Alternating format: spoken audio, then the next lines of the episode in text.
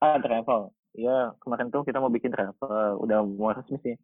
Karena sekarang gue semakin ke sini, semakin melek betapa pentingnya resmi sebuah usaha.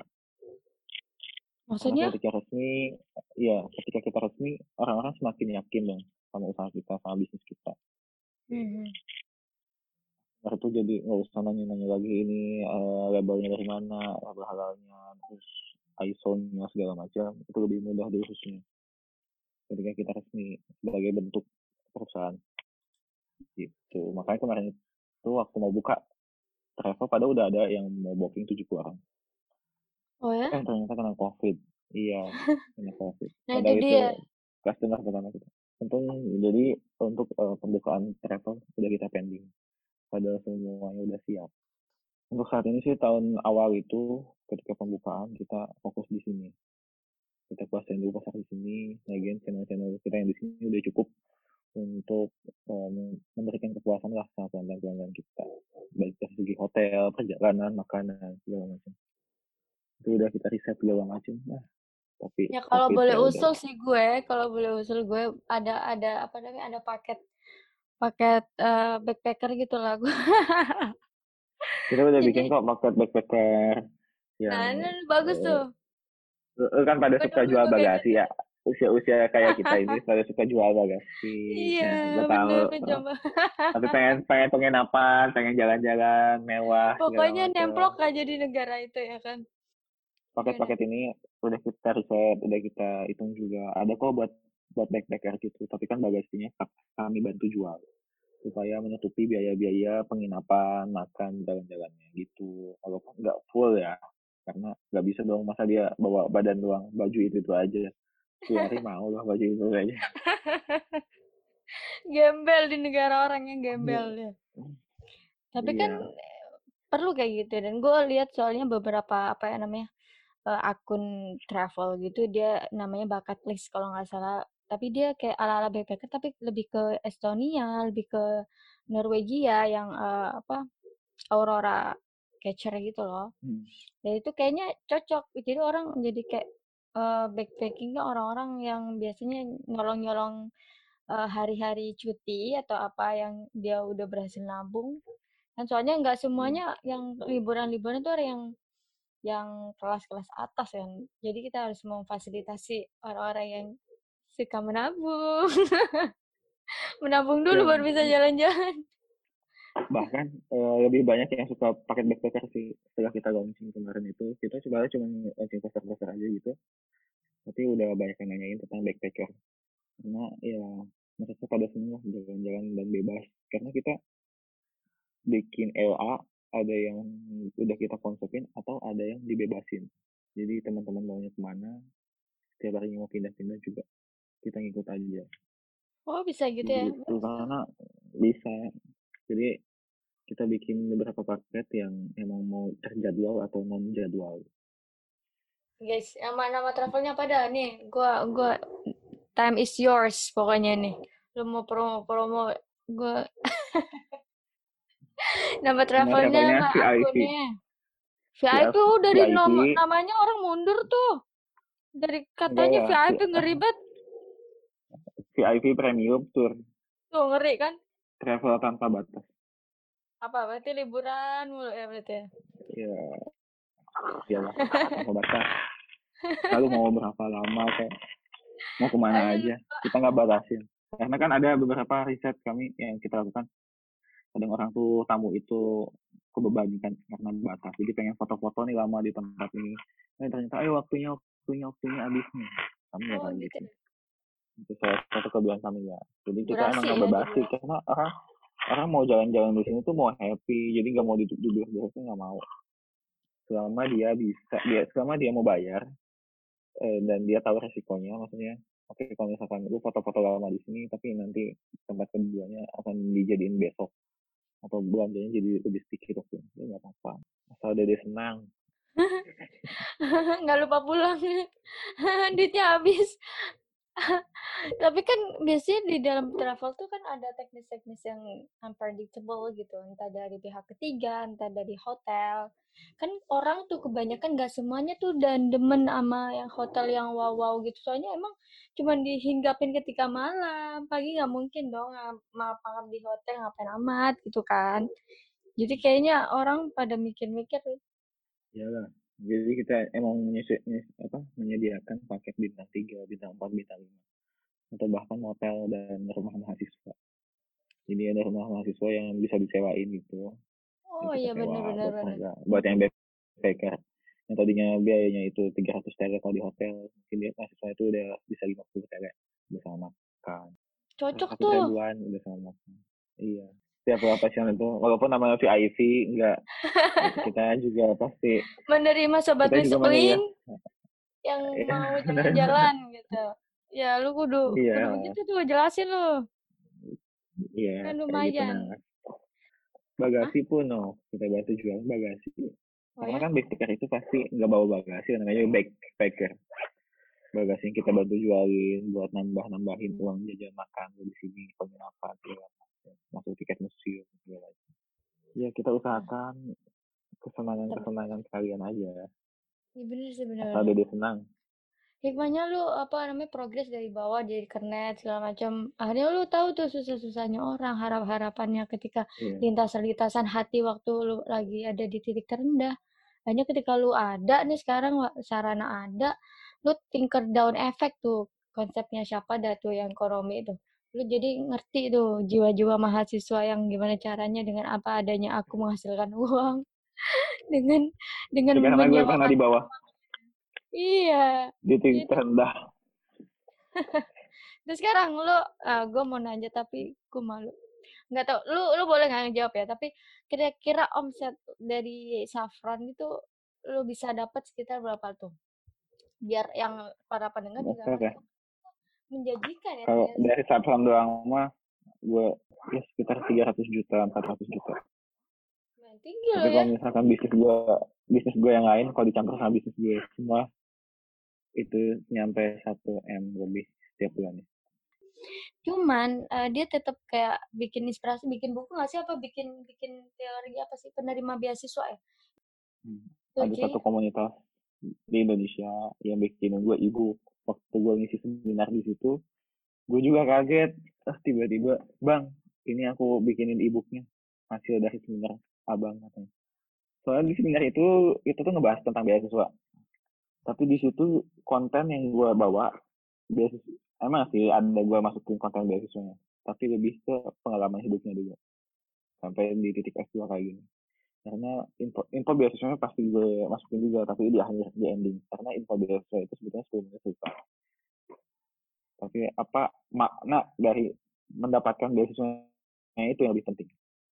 Karena sekarang ada seminar beasiswa. Lalu kalau misalnya rajin mah nggak usah ikut seminar juga atau searching? Itu lebih lebih lebih lu bisa dapetin lebih banyak sebetulnya mah kalau nggak malas. Tapi kan orang tuh ada tipe-tipenya masing-masing ya. Jadi ada yang ikut seminar itu emang betul-betul butuh informasinya atau emang cari teman-teman satu visi sama kita jadi saling menyemangati yang ibaratnya penguji itu mau menerima lo atau di dalam dokumen dalam wawancara itu kayak gimana sih bentuknya? Pengalaman gue tapi aman ya Turki ya buat uh, didatangi lagi gitu setelah pandemi ini. Aman, aman banget. Baik kalau lo tinggalnya di Istanbul, sayang banget gak bisnis. Pernah nggak sih lo pernah dibohongin dalam bisnis ini? Maybe uh, dapat orang yang salah atau mendapat kepercayaan atau dibohongin atau diakal-akalin atau dikibulin ada. gitu sih. Oh ada, pernah? Ada. Pasti pernah. Kalau nggak lo? Rugi banyak nggak? Hah? Gagal. Lumayan. 50 juta gue rugi sampai sisa uang gue itu tinggal sekitar eh, dua uh, juta setengah dari dua juta setengah itu baru gue naik lagi. Iya. Gue tujuh bulan uh, ngolah dua juta setengah itu nggak pernah gue pakai. Nggak gue jajanin nggak. Untungnya gue puterin lagi untungnya gue investasiin lagi. Terus aja gue puasa jajan. Maksudnya ya jajan buat kebutuhan se sehari-hari gue mah terpenuhi. Maksudnya yang agak lebih kan kadang orang suka pengen belanja baju musim panas musim dingin gitu segala macam. Gue sengaja keep itu gue pakai yang musim lalu maksudnya tahun lalu. Ini baju musim dingin tahun pertama gue pakai di tahun kedua jadi nggak beli baru. Ya namanya juga gue lagi merintis tahu lah batasan kita di mana di mananya. Siapa? Siapa orang yang eh, apa yang dia perbuat gitu sampai akhirnya merugikan lu 50 juta segitu banyaknya? Yang bisnis tidak hitam di atas putih itu salahnya oke lu hmm. dia tahu Jadi, orang kalau duit tuh bisa jadi musuh bro. Terus lu nuntut atau apa yang lu lakuin buat uh, ini alhasil nggak balik ya itu duit ya? Biarin aja. Nuntut mah nuntut cuman emang betul-betul rugi kan di situ. Tapi saya ruginya itu nggak hitam di atas putih. Jadi ya ibaratnya ruginya 100 harusnya itu dibagi rata. Rugi 100 juta tapi jangan sampai kalau misalkan lu berbisnis tapi takut rugi itu nggak usah diam aja main PUBG aja lu. Itu siapa? Orang Turki atau orang Indonesia itu? Uh, Indonesia. Gue jarang berbisnis dengan orang Turki sih. Karena saat ini gue menghindari. Lu survive banget bro di situ bro. Wah, lu nggak pernah, lu pernah nggak makan Indomie goreng yang besoknya udah expired? gue makan terasi itu udah expired sama kerupuk. Saking pengennya gue bodo amat sakit ada asuransi kan di sini ada asuransi. Yang penting gue bisa makan terasi, makan kerupuk. Ngandelin asuransi. Kalau gue mati sih dia jadi ngebiayain gitu. Seenggaknya mati gue pernah ngerasain sambal dulu. Soalnya ada beberapa temen gitu. juga di Amerika, dia kuliah di Amerika, dia udah bingung dia mau makan apa, sampai pernah tidur di uh, terminal gitu. Dan makannya beberapa hari itu dia makannya mie yang hampir aja expired tinggal berapa jam pernah tuh berapa hari besoknya udah udah expired dia makan nih dan kalau itu tuh kita nggak pernah mikir tahu nafsu gitu ya gembel aja hidup berarti gini lah gembel aja hidup coba. Iya iya maksud gembel aja hidup tuh lu bisa survive gitu. Kalau lo makan dari maaf nih ya kalau misalkan makan dari makanan sisa yang udah dibuang sampah pun ketika lu bisa survive dan itu meyakini bukan makanan basi karena ada beberapa penyakit yang terjadi sesuai dengan prasangka kita. Misalkan makan mie membuat gendut. Kalau misalkan prasangka kita itu membuat gendut ya pasti gendut bakteri pun ada yang ada yang baik kan justru menolong. Iya gembel yeah. aja hidup ya. Yang gue dapat di sini riwayatnya gini. Allah itu sesuai dengan prasangka hambanya. Begitu pun dengan jodoh ibu bapak pendengar podcast ini. Apa apa? Kalau menurut lo pandangannya jodoh itu kayak gimana? Lu mau jadi oh, cari gitu. cari cewek Turki lo? Enggak lah, gue pengen cewek Indonesia soalnya supaya bisa makan ikan asin. Oh, ini guys yang mau ngambil hatinya beliau nih, kasih aja sekilo sekintal kirimin ke Turki. Auto dapet cintanya kayaknya langsung. Hmm. Cita-citanya jadi wali kota, kalau mau orang Turki susah ya. Lo tau gak kenapa gue pengen jadi wali kota, Naf? Karena gue makan pajak rakyat selama belasan tahun mungkin. Gue jadi beasiswa. Okay. Anaknya okay. beasiswa banget. Betul scholarship hunter banget. Gue pikir lu belum pernah tuh namanya mengecam duit duit pajak untuk beasiswa untuk pendidikan lo ternyata lo dari lama ya udah makan makan makan ma, uh, duit rakyat sejak SMP sampai S2 gue beasiswa mulu makanya gue bingung nih mau gantinya pakai gimana makanya ya oh. ya pengabdian lah jadi titik titik terakhir gue insya Allah pengabdian masyarakat sebagai wali kota ya, gue bisa melayani masyarakat walaupun tidak semua satu kota aja suka bumi tapi ya itulah pensiunnya gue gue pengen gitu. Hmm, Udah capek ngumpulin duit, tinggal nikah udah gitu udah. Enggak naik haji, mati aja. Masuk surga. Masuk surga. Gue ngakak banget lihat chat lo kemarin soal apa namanya, uh, kapan sih umur 50 tahun? Lu ngapain nunggu-nunggu waktu 50 tahun? Gue pengen tahu, gue di usia 50 tahun tuh udah di mana. dan udah ngakuin apa aja asik kenapa sih asik semakin tua katanya semakin tua semakin tua seseorang itu semakin bijak benar demen nih gue gue Gitu. setuju nih kayak gini nih jadi eh udah lah masa muda para apa namanya masyarakat Indonesia kan banyak itu mikirnya begitu ntar lu ini ram, telat nikahnya. Kan biasa orang Indonesia berpikir seperti itu padahal ya kalau udah waktunya nikah ya nikah nikah aja gitu loh. Yang ditunggu itu waktu yang mahal itu. Karena ya keren aja gitu masa tua cerita sama cucu ternyata se, se wonderful itu kakek gue gitu loh. Kayaknya iya iya. Ya, setuju Iya, lah iya. gue ya nggak Jadi apa-apa kan ada lu. ada satu hadis atau riwayat kayak gini nih. Menikahlah ketika kamu sudah sanggup kalau misalnya belum sanggup berbuat salah betul. Kalau lu udah udah udah nggak ada udah ada yang datang ke lu. Maaf nih ya ke lu nih maaf maaf. Nih. kan ada lagi. laki-laki yang sanggup memenuhi kebutuhan lo. Artinya sang- sang- sanggupnya di sini gue juga. gue bisa memenuhi kebutuhannya dia. Ya sama-sama lah. Emang emang gue majikan ya pokoknya kebutuhan ini di sini bukan bukan dalam lahir aja ya tapi batinnya juga. Karena ada yang bisa dipenuhi lahir tapi tidak bahagia. Bahkan ada bahagia tapi nggak punya duit. Mau yang mana? Dua-duanya nggak mau sebetulnya secara rasional. Ya tapi secara sama bucin-bucin itu yang penting bahagia. Ya nggak tahu makannya besok makan apa. Nah, kan nggak mungkin kayak gitu. Laki-laki yang baik kan tidak tidak akan mengajak wanita pasangannya itu bersusah-susah sebetulnya rasionalnya ya. Oke, Iya. cinta tidak pernah salah.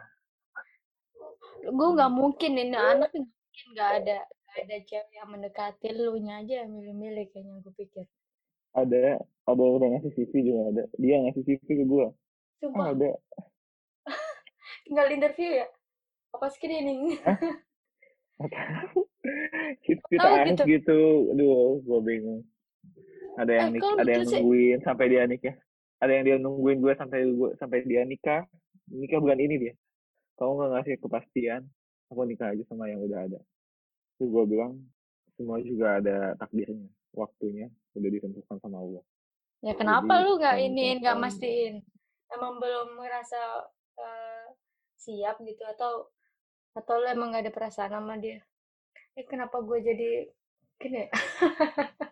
Yo, ini ini jadi bahas cinta nih sama dewa cinta Jadi kayaknya jadi dua cinta. step nih, gue kasih part-part dah gue potong-potong. Jadi kayak sekarang emang lu nya yang terlalu banyak banyak hal yang perlu dikorek tuh. Gimana tadi? Jadi cinta itu mesti siap bahagia dan tersakiti. Gak bisa lu milih, milih cinta tapi bagian bahagianya doang gak bisa. Pasti ada bagian tersakitinya.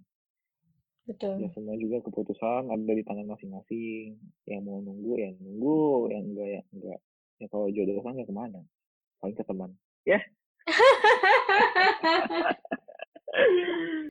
Makanya lu jangan deket-deket sama orang, gitu sama Ya, inian kan gue drama fokusin dulu aja di sini karena membuat Benar. harapan itu ternyata dosa nah. Jadi kita ngasih dia harapan, baik dia atau gue ngasih harapan itu sama aja dosa.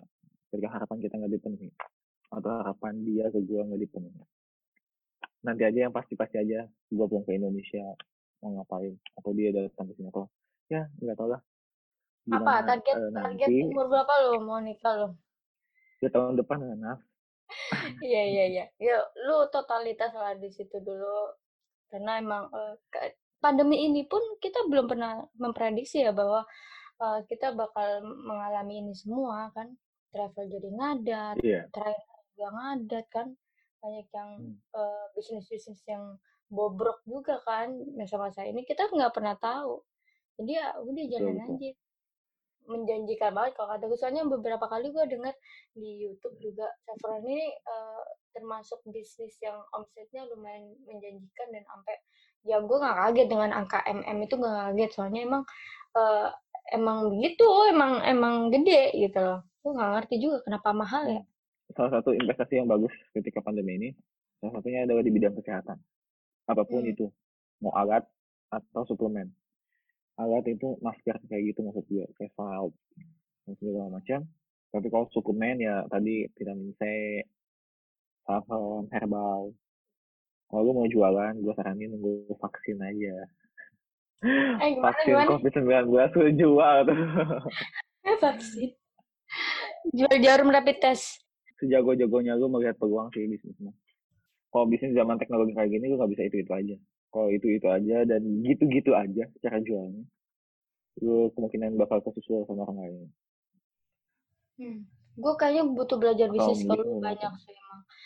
Karena karena uh, secara basically kan aku lebih ke arsitektur terus gue mainnya jasa nggak kelihatan gitu barangnya cuman uh, gue tuh sering bego di sini dan gue jujur aja gue sering bego buat menimbang-nimbang kecapean gue ini bisa di, dihargai berapa duit sih. Gue kadang mikir kayak gitu sih. Karena mungkin nggak kelihatan kalau misalkan bentuk saffron kain itu kan kelihatan tuh harganya kelihatan. Kalau gue nih lebih ke jasa dan otak. Jadi gue bingung mematok harga atau rasa capek gue tuh di mana. Gue kayaknya butuh butuh ilmu banyak di situ untuk menghargai diri sendiri kita. Karena kan, kita lu kan seniman lu tuh seniman, seniman arsitek itu seniman kreator. Lu membuat ya. something membuat karya something yang orang itu bakal suka ketika melihat karya itu. Mm-hmm. tapi sukanya dalam dalam eh, batin ya bukan mm-hmm. dalam lahir. Jadi ketika orang lihat eh, rumah yang lu desain jadi ah gue jadi muncul rasa bahagia gue pengen tinggal di situ. Betul betul betul. Kalau masalah kayak gini jasa-jasa kayak gini sebetulnya tak tak, tak nggak ada nilainya nggak bisa disebutin karena kepuasan itu tidak bisa kita beli. Oh gue melting gitu sama kata-kata lu. Gue kesel. Gue lupa nih mau nanya nih. Uh, the last question about uh, kamu seorang santri kan ya waktu dulu? Atau yang di UICC sampai saat ini. Semenjak S1 gue mutusin buat mondok. Karena gue sadar kebutuhan dunia saja tidak bisa memenuhi yang ada di dalam tubuh gue titipan-titipan Allah yang selama ini sebetulnya kita rasakan kalau misalnya kita sadar. Sehingga ada pepatah kayak gini nih nah hidup itu bagaikan seorang burung harus memiliki dua sayap untuk bisa pergi ke mana pun yang dia mau. Sayap yang kanan itu ilmu akhirat ilmu agama. Sayap yang kiri itu ilmu dunia. Kalau misalkan lu cuma bisa mempelajari ilmu dunianya aja nggak nggak ilmu akhiratnya. Lu bakal stuck di situ, situ aja terbang. Atau bahkan nggak bisa terbang. Jatuh. Tapi ketika lu bisa menguasai ilmu akhirat dan dunia terbang ke mana pun bebas. Bisa aja nih ada loh kasus yang kayak gini? Kita emang betul-betul jenius di Indonesia ah belajar segala macam. Datang-datang set dapat beasiswa di Belanda. Yang budayanya misalkan ya free sex segala macam. Tahu-tahu akhiratnya nggak kejaga agamanya nggak begitu jaga eh tahu-tahu keikut-ikut. Yang tadinya jenius. Eh kan ada tuh banyak beberapa kasus yang diberitakan di Indonesia. Terjadi kayak gitu hancur semuanya. Hmm. itu salah satunya yang menjaga kehormatan itu adalah iman dan takwa. Kemuliaan itu dijaga dengan iman dan takwa. Iya, itu bahaya. Ingat Betul. berakal tapi nggak beriman atau nggak bertakwa. Lebih baik beriman bertakwa udah pasti berakal. Hmm. Kalau yang nggak berakal? Lu belum tentu uh, berakal kalau misalkan kalau lu berakal belum tentu beriman atau bertakwa. Kalau misalkan lu beriman dan bertakwa udah pasti lu berakal. Oke. Okay. Nangkep gak lu? Masa lu. Tapi gue dulu dah. fokus. Gue, gue setuju nih soalnya gue waktu itu sempat yang diterima di beasiswa di Rusia itu gue juga mikir-mikir soalnya emang uh, free sexnya di sana luar biasa gitu. Meskipun kita bisa jaga diri ya jaga diri sebatas apa sih ya pasti kecil banget daripada mereka yang mayoritas gitu kan. Ada gue mikir-mikir lagi mikir-mikir lagi udah gue mundur gitu. Terus yang uh, apa namanya beberapa hal lain bahwa bener soalnya uh, itu yang mendorong kita iman dan akal kita kalau itu yang bisa mendorong kita ya kalau kita main ego ya berangkat-berangkat aja gitu. Beasiswa dibiayain segala macam kan. Tapi gue gak ngambil sebetulnya Makanya, sebetulnya setiap negara itu pasti ada sisi kayak gitu sisi bagian ya setiap negara pasti ada. Bahkan di Indonesia pun ada. Cuman bagaimana kita betul-betul istiqomah untuk menjaga iman dan takwa kita menghadapi itu semuanya gitu. Karena kita ingat tujuan kita di awal. Di sini mau ngapain cuman dari situ timbul tuh bahwa santri itu memang harus harus ke mana-mana dan jadi apa-apa gitu loh. Dan dari background lu sendiri pun juga bisa diambil uh, kesimpulan bahwa bisa gitu meskipun basically lu masih so, lu ada seorang santri ternyata lu bisa tuh bersaing dengan uh, dunia luar. Dan akhirnya lu bisa berdiri sekarang lu berhasil untuk itu dan lu belum belum belum nikah ya istilahnya lu udah mapan tapi lu belum belum nikah masih lu berarti gue masih belum sanggup Dan oh dalam hal hal, hal membangun itu ya dalam hal waktu sih gue belum sanggup mm -hmm. gue doain dah lu cepet dah tuh Lu sepintar-pintarnya. Lu kapan? Lu kapan? Gue belum lulus. Gue belum lulus. Gue belum lulus. Oke, okay, yang terakhir gue mau nanya uh, purpose goal. Iya, ya, yang jadi wali kota. Ya, kan, iya, mengabdi untuk masyarakat, berbuat sesuatu, segala sesuatu itu untuk orang lain lebih banyak. Gue pernah dapat satu wejangan ya, wejangan gini. Ketika kekuasaan kita semakin tinggi, itu dapat uh, dua hal atau dua pilihan. Yang pertama menggunakan kekuasaan itu sebagai ladang pahala atau menjadikan kekuasaan itu menjadi tiket ke neraka. Makanya jadi jadi penguasa itu berat. Ya, iya. itu kan dunia, itu dunia dong, itu dunia. Kalau yang akhirat nih, misal lo punya uh, apa uh, purpose apa gitu ke orang tua lo. Lo pengen atau... jadi ustadz nat? dia nyerap ya abis ini abis S2 gue gak mau pakai iya sini gue mau jadi ustadz dulu mau melayani anak-anak santri macam apa ini. Gue gue iya, suka nih gue suka. gue suka. Gue kalau gue berjujur ya karena gue basically ya seorang teknik ya anak teknik arsitektur dan desain dan segala macam project pembangunan segala macam. Gue gue sebenarnya nggak butuh laki laki yang gimana gimana ya yang yang pakai dasi yang ber di kantor-kantor gue nggak gitu ya. Emang karena yang gue butuhin ya ya orang yang bisa ngarah yang ngarah ke sono gitu loh yang ustad tapi nggak ngustad. Gimana sih ya ustad tapi nggak ngustad? Lu paham nggak sih mas ustad trainer Ustadz trainer bisa juga yang yang bisa apa ya bisa ngimbangin lah bisa ke sana sini dan terlalu para mendengar nih ya gue gue bersyukur banget dan gue appreciate banget apa yang lo lakuin selama ini. Dan gue nggak salah gue ngundang lo sebagai first person to be here on my podcast dan aku berharap dengan ini tadi menjadi inspirasi buat teman-teman yang lain mulai bisnis beasiswa Turki terus uh, kehidupan dan dari lo jangan lo jadi apa ya bisa dibilang miliar miliarder nggak sih kayak gitu dah ya itu gue gue appreciate banget dan uh, eh, gue berharap ke depannya lu makin progres dan kita uh, sukses dunia Amin. dan akhirat gitu. Oke. Okay? Sukses untuk semua pokoknya. Siap. Pesan-pesan nih terakhir nih. The last, last, last of the last. Pesan-pesan buat para pendengar nih dari semuanya yang lo rasain. Pesannya sih cuma dua kata doang yaitu jangan menyerah. Tapi makna dari situ gue mau jelasin sedikit. Kalau misalkan gue ketika di titik terendah itu menyerah sedetik saja, atau semenit saja, atau bahkan satu hari saja, mungkin gue nggak ada di titik ini sekarang. Jadi misalkan gue ketika jadi kenek itu udah ah pasrah aja, gue nyerah aja sama nasib, gue jadi kenek kenek aja, gue gak akan di titik ini. Gue tidur di jalan ya udah selamanya tidur di jalan, enggak, enggak kayak gitu. Jangan menyerah sama nasib. Nasib itu bisa diubah tergantung tekad kita. Ingat kita mesti ngebahagiain beberapa orang yang kita sayang. Apa yang utama orang tua kita sih tujuan. Kemudian orang tua lihat anaknya enggak ya anaknya bebas jadi apa aja tapi usahakan ketika kita menjadi seseorang yang yang sesuai keinginan kita dan kita bisa membahagiakan orang tua kita dengan cara kita masing-masing. Jadi nggak usah ikut ibaratnya ya bukan bukannya tidak taat juga pada orang tua. Misalkan ibu akan bahagia kalau misalkan lihat anak ibu jadi TNI mungkin di zaman ini masih ada yang kayak gitu orang tua. Tapi orang tua aku ngedidik aku jadi apa aja siapa yang penting berbuat baik pada siapa aja karena kita punya punya cara masing-masing untuk membahagiakan seseorang ya gua gua doain deh lu jadi wali kota beneran deh biar biar lo bisa ngebalin di pajak negara lo amin, amin. Mohon maaf nih yang pajaknya kepake, mohon maaf nih.